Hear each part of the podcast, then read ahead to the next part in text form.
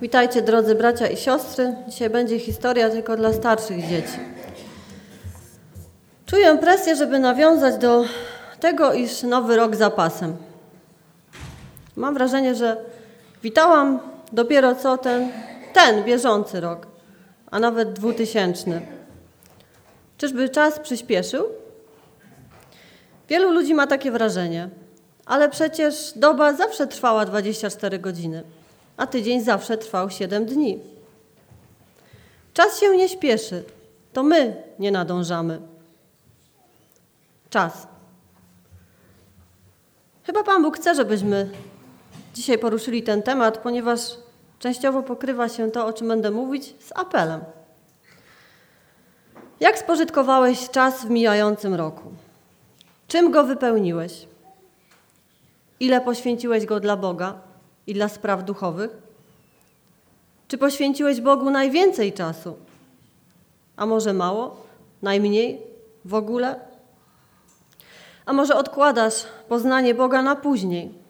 Bo przecież masz na to jeszcze tak dużo czasu. Ach, żeby sobie można czas nieużywany odkładać tak na później, cytując pewnego poetę. Ja też już nie mam dużo czasu na to kazanie. Do 12 na pewno nie zdążę.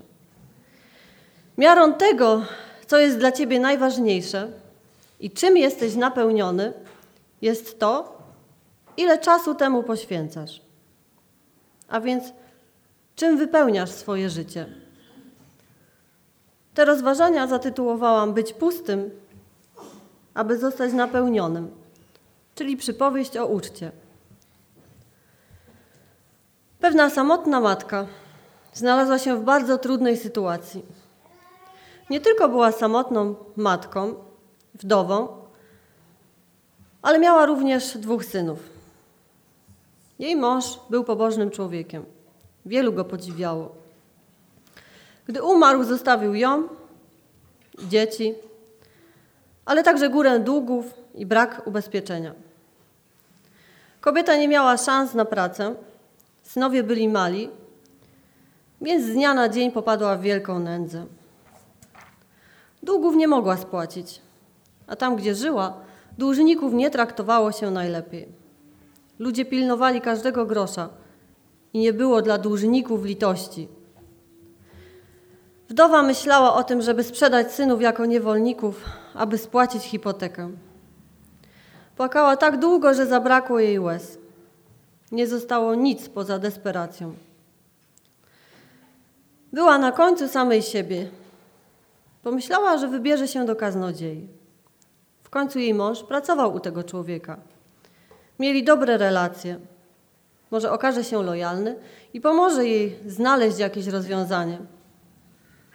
Odchodzę od zmysłów, powiedziała do kaznodziei. Straciłam już prawie wszystko, a moi synowie są dla mnie wszystkim. Jeżeli szybko nie zdobędę jakichś pieniędzy, to zostaną i bez nich, i bez domu. Chłopcy umrą jako niewolnicy. Nigdy się nie zobaczymy. A ja wyląduję w rynsztoku żebrząc, albo jeszcze gorzej. Wiesz, że mój mąż kochał Pana i służył Mu. Jestem pewna, że Bóg nie odwróci się od nas. A Ty? Kaznodzieja otarł kilka jej łez, zapytał, co jej zostało. Spojrzała na niego zmieszana, i pomyślała, czy oczekuje jakiejś zapłaty? Nic mi nie zostało, tylko puste ściany i podłoga. Ale zaraz, zaraz. Wydaje mi się, że została mi jeszcze jedna buteleczka z oliwą. Bezużyteczna. Na to kaznodzieja odparł, aby pożyczyła od sąsiadów puste dzbany. Następnie kazał je postawić na podłodze i zamknąć pokój. Następnie wziął buteleczkę z olejem i zaczął nalewać do dzbanów. Jak to ma niby pomóc? spytała. Miej wiarę, odpadł. Kilka godzin później pokój wypełnił się dzbanami pełnymi oliwy. Chłopcy biegali od dzbana do dzbana, ciesząc się i śmiejąc, a oliwa z buteleczki ciągle płynęła. W końcu ostatnia kropla napełniła ostatni dzban. Wdowa i, synowa, i synowie zaczęli się radować, ściskać i płakać z radości. Sprzedaj oliwę, powiedział kaznodzieja, a spłacisz długi. I zostanie ci jeszcze na życie. Oczywiście miał rację. Wszyscy znamy tę historię o kim? O Eliaszu, którą czytamy w drugiej księdze królewskiej i o ubogiej wdowie. Tak, moi drodzy, Bóg jest wypełniaczem pustych miejsc, a Jezus jest żywym tego przykładem. W swoim pierwszym cudzie, zapisanym w Ewangelii Jana, Jezus napełnia dzbany w weselu w Kanie najlepszym winem.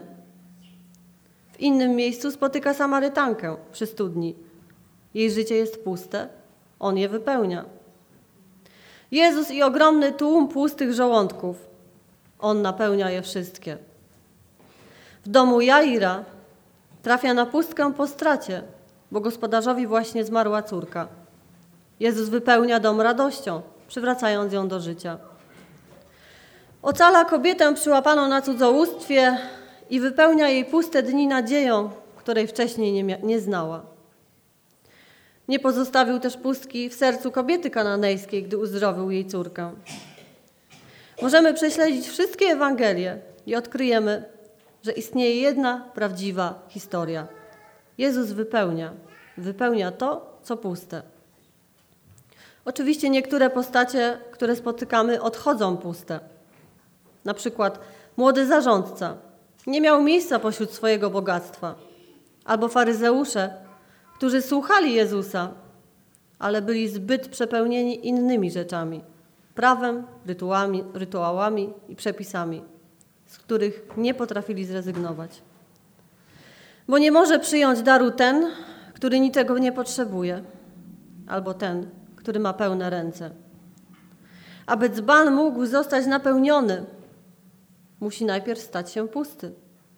A opróżnienie zawsze powoduje ból i nie każdy się chce temu poddać. A co jest w Twoim dzbanie? Czym Ty jesteś napełniony? A czym powinieneś być napełniony? Życie czasem nas nie rozpieszcza. Zabiera kogoś, kogo kochamy. Zabiera dom, pracę.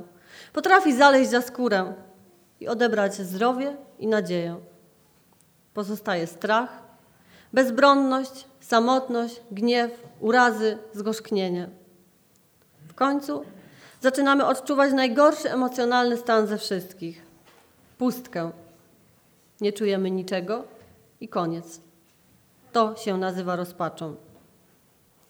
Ale co jeżeli ta pustka oznacza, że Bóg ma cię właśnie tam, gdzie chce cię mieć? Bo aby On mógł cię napełnić, musisz stać się pusty. Inaczej nie da rady. Przyznajmy się, każdy z nas ma pełno dzbanów, które są pełne po brzegi. Dowodem na to są nasze kalendarze solidnie wypełnione, a nawet przepełnione. Wypasione życie, za które często dziękujemy Bogu. Wspaniała praca, wspaniały dom, wspaniały małżonek, wakacje pod palmami, awanse, sukcesy, pełne konto w banku, pełna lodówka i pełny brzuch. A co jeżeli część tego ładunku nie sprzyja Bożym planom? Co jest w Twoim dzbanie? Czym jesteś napełniony? Jak zbadać różnicę pomiędzy dzbanem, który jest pełny, a dzbanem, który jest pusty? Pewnego razu Jezus opowiada przypowieść, o którą czytaliśmy przed kazaniem, o wspaniałym bankiecie. Napełnia nią uszy faryzeuszów podczas jednego z tych posiłków spożywanych z przywódcami religijnymi. Przez co mamy pewność, że sprawy na pewno przybiorą ciekawy obrót. A więc podczas tego posiłku Jezus chce porozmawiać o innym, większym obiedzie. Mówi, że pewien człowiek wysłał zaproszenie na wieczerzę. Gdy stół już jest nakryty, a piec rozpalony, wysyła sługę, który ma powiedzieć zaproszonym kolacja podana. Ale nikt tak naprawdę nie chce przyjść. Jeden mówi, że musi obejrzeć pole, które zakupił, Drugi kupił kilka wołów i musi z nimi popracować. Sorry, mówi trzeci, właśnie się hajtnąłem.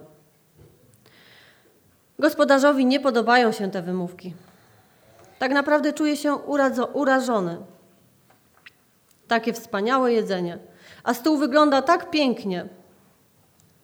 Wysyła sługę, aby przeszedł przez miasto, zajrzał do bocznych uliczek i zaprosił chorych, głodnych i kogo jeszcze tam spotka na dobry posiłek. Misja zakończona, ale ciągle są jeszcze puste miejsca, a Pan nienawidzi pustych miejsc. Mówi więc, przejdź jeszcze kilka mil, pośpiesz się, bo jedzenie stygnie. Zajrzyj nawet do lasu, jak będziesz musiał. Zacznijmy w końcu tę imprezę. I składa przysięgę. Dla was, którzy nie znaleźliście czasu, nie ma posiłku. Posłuchajcie pewnego zaskakującego opowiadania. Być może go znacie, być może nie. Pewnego dnia znanego profesora, specjalistę od czasu, poproszono, żeby przeprowadził kurs dla grupy szefów wielkich korporacji na temat skutecznego planowania czasu. Stojąc, stojąc przed tą elitarną grupą uczestników, stary profesor popatrzył powoli spod okularów na każdego z osobna, następnie powiedział: Przeprowadzimy doświadczenie.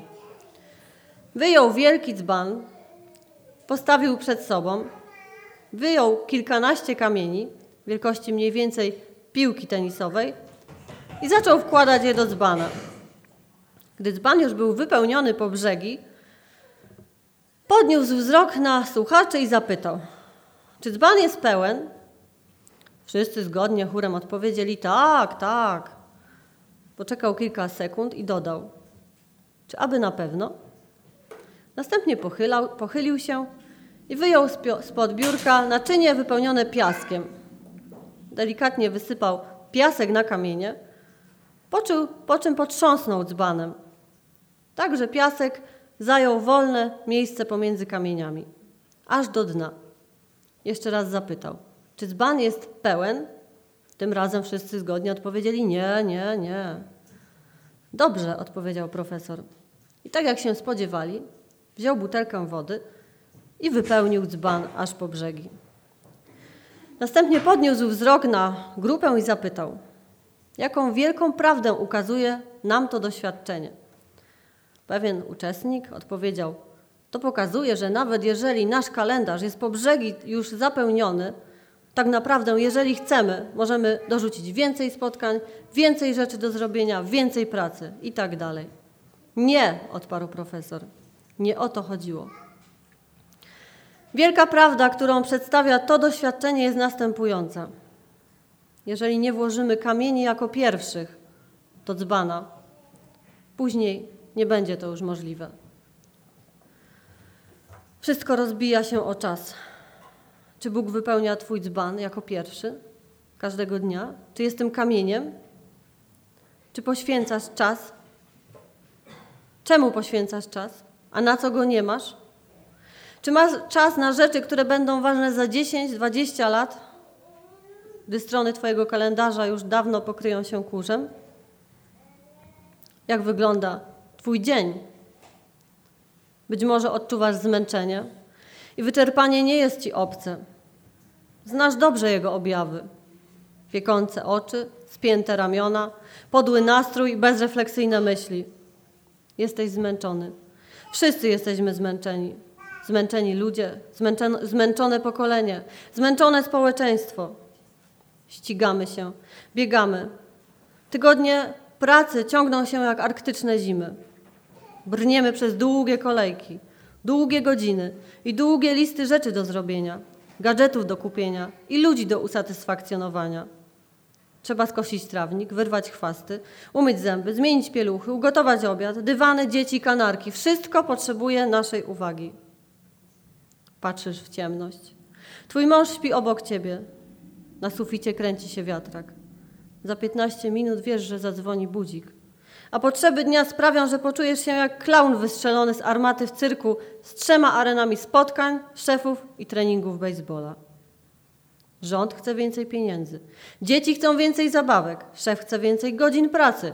Szkoła chce więcej ochotników do pracy. Małżonek chce więcej uwagi. Rodzice chcą większej ilości odwiedzin. A Kościół? No tak, Kościół. Czy wspomniałam o Kościele? Więcej posługi, więcej modlitwy, więcej czytania, więcej uczestnictwa w życiu Kościoła i cóż możesz odpowiedzieć? Przecież przemawiają w imieniu Boga. Za każdym razem, kiedy próbujesz złapać oddech, ktoś inny czegoś potrzebuje. Nadzorca domaga się kolejnego kamienia do następnej piramidy. Mieszaj to błoto, Hebrajczyku. Tak, oto i on, twój starożytny odpowiednik, bosy w, w pasce na biodrach, z pochylonymi ramionami. Izraelita okładający kamienie, niewolnik Egiptu. Poganiacze niewolników smagają biczami i, w, i wykrzykują polecenia. Dlaczego? Żeby faraon, czyli ich szef, ze swoim ego wielkości Nilu mógł pochwalić się następną piramidą. Pomimo, że na jego dłoniach nigdy nie było odcisków, a jego palce nigdy nie uniosły ani słomki. Ale wtedy Bóg zainterweniował. I to w jakim stylu? Sprawił, że może czerwone rozstąpiło się jak zasłony kurtyny, a zamknęło jak szczęki rekina. Zamienił armię faraona w przynętę dla ryb, a Izraelitów w członków krainy nigdy więcej. Nigdy więcej kamieni, błota, zaprawy czy słomy. Teraz mogli odpocząć. I tak też zrobili.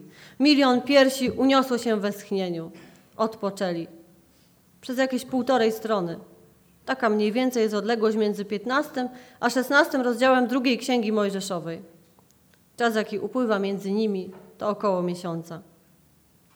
Gdzieś po drodze stwierdzili jednak, że chcą wrócić do Egiptu. Oznajmili Mojżeszowi, że chcą wrócić do kraju potu, pracy i spieczonych pleców. Jaka była jego odpowiedź? Któż was urzekł? Was, przed których oczami nakreślono obraz Jezusa ukrzyżowanego? O, przepraszam, mój błąd. To słowa Pawła, a nie Mojżesza. Słowa do chrześcijan, nie do Izraelitów. Jeden wiek po Chrystusie, a nie trzynaście wieków przed Jego narodzeniem. Bóg tym razem wysłał Jezusa, nie Mojżesza. Pokonał nie Faraona, ale szatana. Nie dziesięcioma plagami, ale jednym krzyżem. Morze Czerwone się nie rozstąpiło, ale grobowiec się otworzył. A Jezus poprowadził każdego, kto chciał z nim iść, do krainy wolności, do krainy nigdy więcej, nigdy więcej Egiptu. Jednak skoro chrześcijanie w czasach Pawła zachowywali się tak, jak Izraelici w czasach Mojżesza, to czy nam to nie grozi? Tymczasem Bóg zaprasza cię na ucztę. Uczta. Uczta w niebie, uczta baranka, uczta zbawionych. Symbol radości, spotkania, świętowania, wspólnoty i bliskości.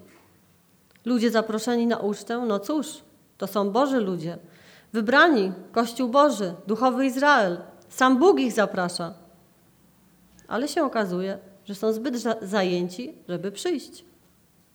Nie mają czasu. Cieszą się co prawda z zaproszenia, ale ciągle coś innego zaprząta ich uwagę. Wrócili do Egiptu. Są tak naprawdę uprzejmi jesteśmy sobie w stanie wyobrazić, że myślą, może wpadnę później. Tymczasem biorą udział w wyścigu szczurów z najlepszymi intencjami i mają przed sobą jeszcze kilka kółek. W internecie istnieje strona poświęcona najlepszym wymówkom pod słońcem. Stworzono ją po to, aby ludzie mogli wymieniać się wymówkami, jakie stosują, żeby inni mogli z nich skorzystać. I tak, jest ponad 400 wymówek do wyboru dotyczących pracy. Kilkaset, żeby odwołać randkę, ponad 500 dla wagarowiczów. Wymówki dla tych, co się odchudzają, no i dla tych, których złapie policja. Oto kilka absurdalnych przykładów. Spóźnię się do pracy, bo w aptece najpopularniejszych. Spóźnię się do pracy, bo w aptece robią mi specjalną maść. Inna. Nie zdołam przyjść na spotkanie, bo moja żona ma dziś dzień płodny. Nie dam inna. Nie dam rady przyjść do pracy, bo głosy w mojej głowie kazały mi dziś nie przyjść. Wydają się absurdalne. A przyjrzałeś się wymówkom osób zaproszonych na ucztę? Czy potrafisz w tej historii odnaleźć siebie?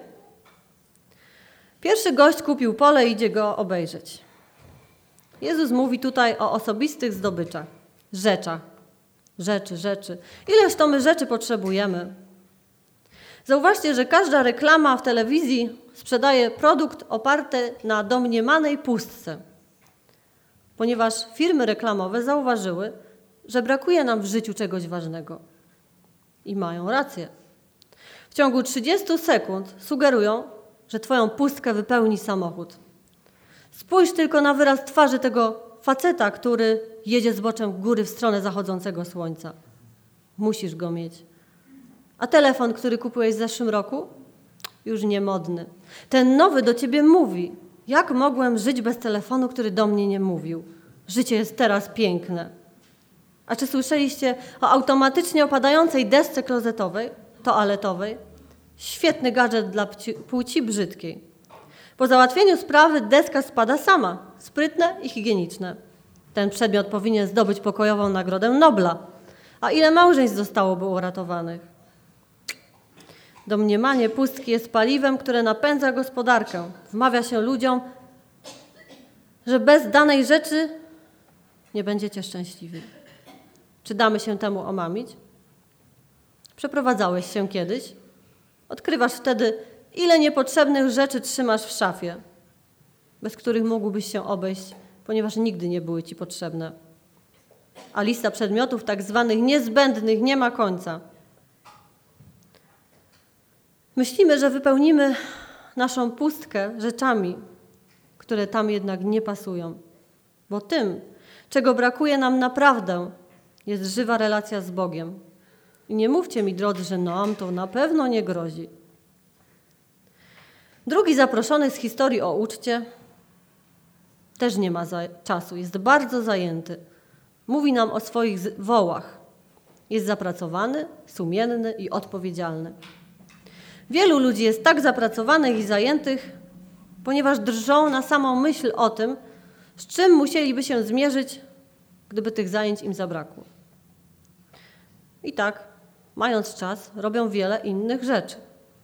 Stwierdzono, że w krajach Zachodu, w tym także w Polsce, według statystyk, średnio tysiąc godzin w roku poświęcasz na oglądanie telewizji.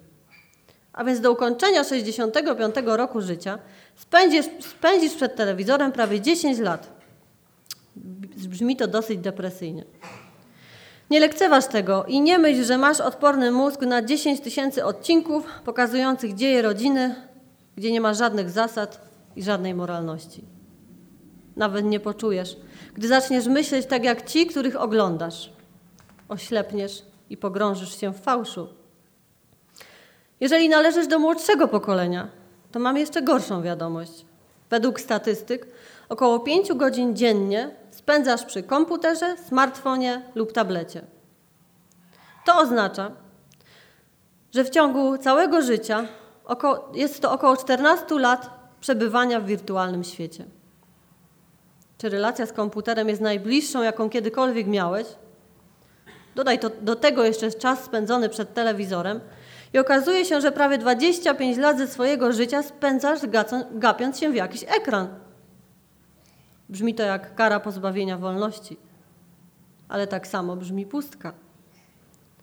Wszystkie te rzeczy są symptomem tak zapełnionego kalendarza, tak nieobecnego umysłu i tak przesyconego życia, że gdy nadchodzi czas wielkiej wieczerzy, wielkiej uczty, nie mamy dla niej miejsca.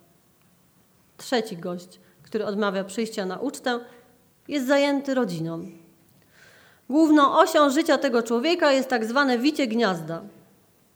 Ilu piosenek o miłości wysłuchałeś? Ile filmów obejrzałeś?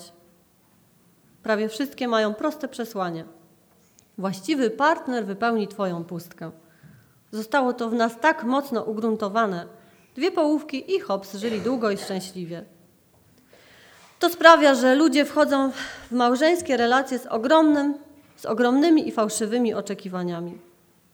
Romantyczna miłość, owszem, jest jednym z najpiękniejszych darów od Boga. Nie jest to jednak największy dar. Tylko jedna relacja może nas całkowicie wypełnić i usatysfakcjonować. I wiecie jaka. Wszystkie wymówki z przypowieści kręcą się wokół braku czasu. Własność, rodzina. Moi drodzy, te rzeczy same w sobie nie są absolutnie złe. Przeciwnie, są one bardzo dobre. Są błogosławieństwami. Ale jeżeli z powodu nich nie mamy czasu dla Boga, to stają się złe, bo są naszymi bożkami. Powinniśmy być odpowiedzialni, dbać o dom, pracę, płacić rachunki. Problemem jest to, że zbyt wielu myśli tylko o tym. Wszystko odkładamy na jutro. A najnie, naj, najniebezpieczniejsze w pójściu za Jezusem od jutra nie jest to, co człowiek traci pomiędzy teraz a jutro. Najgorsze jest to, że jutro może wcale nie nadejść. Jezus zaprasza Cię na ucztę dziś.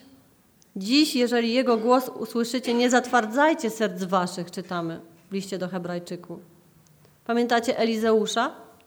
Gdy usłyszał zaproszenie, nie próbował dalej na boku prowadzić swojego starego życia.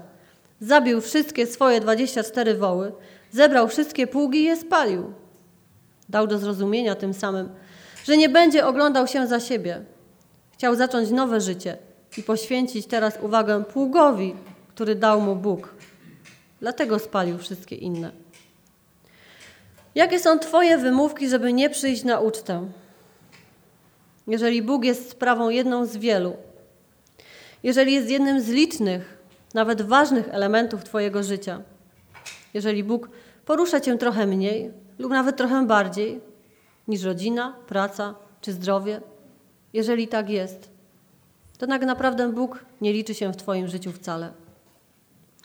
Bo Bóg albo będzie ten jedyny, największy i wyjątkowy, albo nie ma go wcale. Gardząc darem, gardzimy dawcą. Czy pomyślałeś, jak czuje się Bóg, który dla ciebie jest mniej ważny niż telenowela? Czy będziemy mogli kiedyś Panu Bogu powiedzieć, że nie mieliśmy czasu, żeby spędzać z Nim czas? Tak wiele rzeczy nas rozprasza. Czy nieznamienny jest fakt, że zawsze jesteśmy zmęczeni i śpiący, gdy tylko chcemy czytać Biblię? Macie czasem takie odczucia? Z łatwością przekonujemy samych siebie, że to problem czysto natury fizycznej i nie jesteśmy w stanie nic z tym zrobić. Zauważyliście, że w chwili, gdy chcesz poświęcić się duchowym sprawom, musimy walczyć z ogarniającą nas opieszałością, choć jeszcze przed chwilą byliśmy pełni werwy i energii, kiedy robiliśmy co innego. Opieszałość często przejawia się w praktyce odkładania właśnie pewnych rzeczy na później. Pragniemy czytać Biblię i studiować. Wiemy, że powinniśmy, że powinniśmy chcieć to robić lub przejrzeć chociaż jakieś komentarze, ale akurat nie za bardzo czujemy, że powinniśmy to robić teraz. A może uważamy, że czytanie Biblii jest czymś złym, jeżeli nie odczuwamy pragnienia, aby to robić. Tak więc odkładamy to do chwili, aż poczujemy się lepiej, lub gdy nadejdzie ten właściwy moment.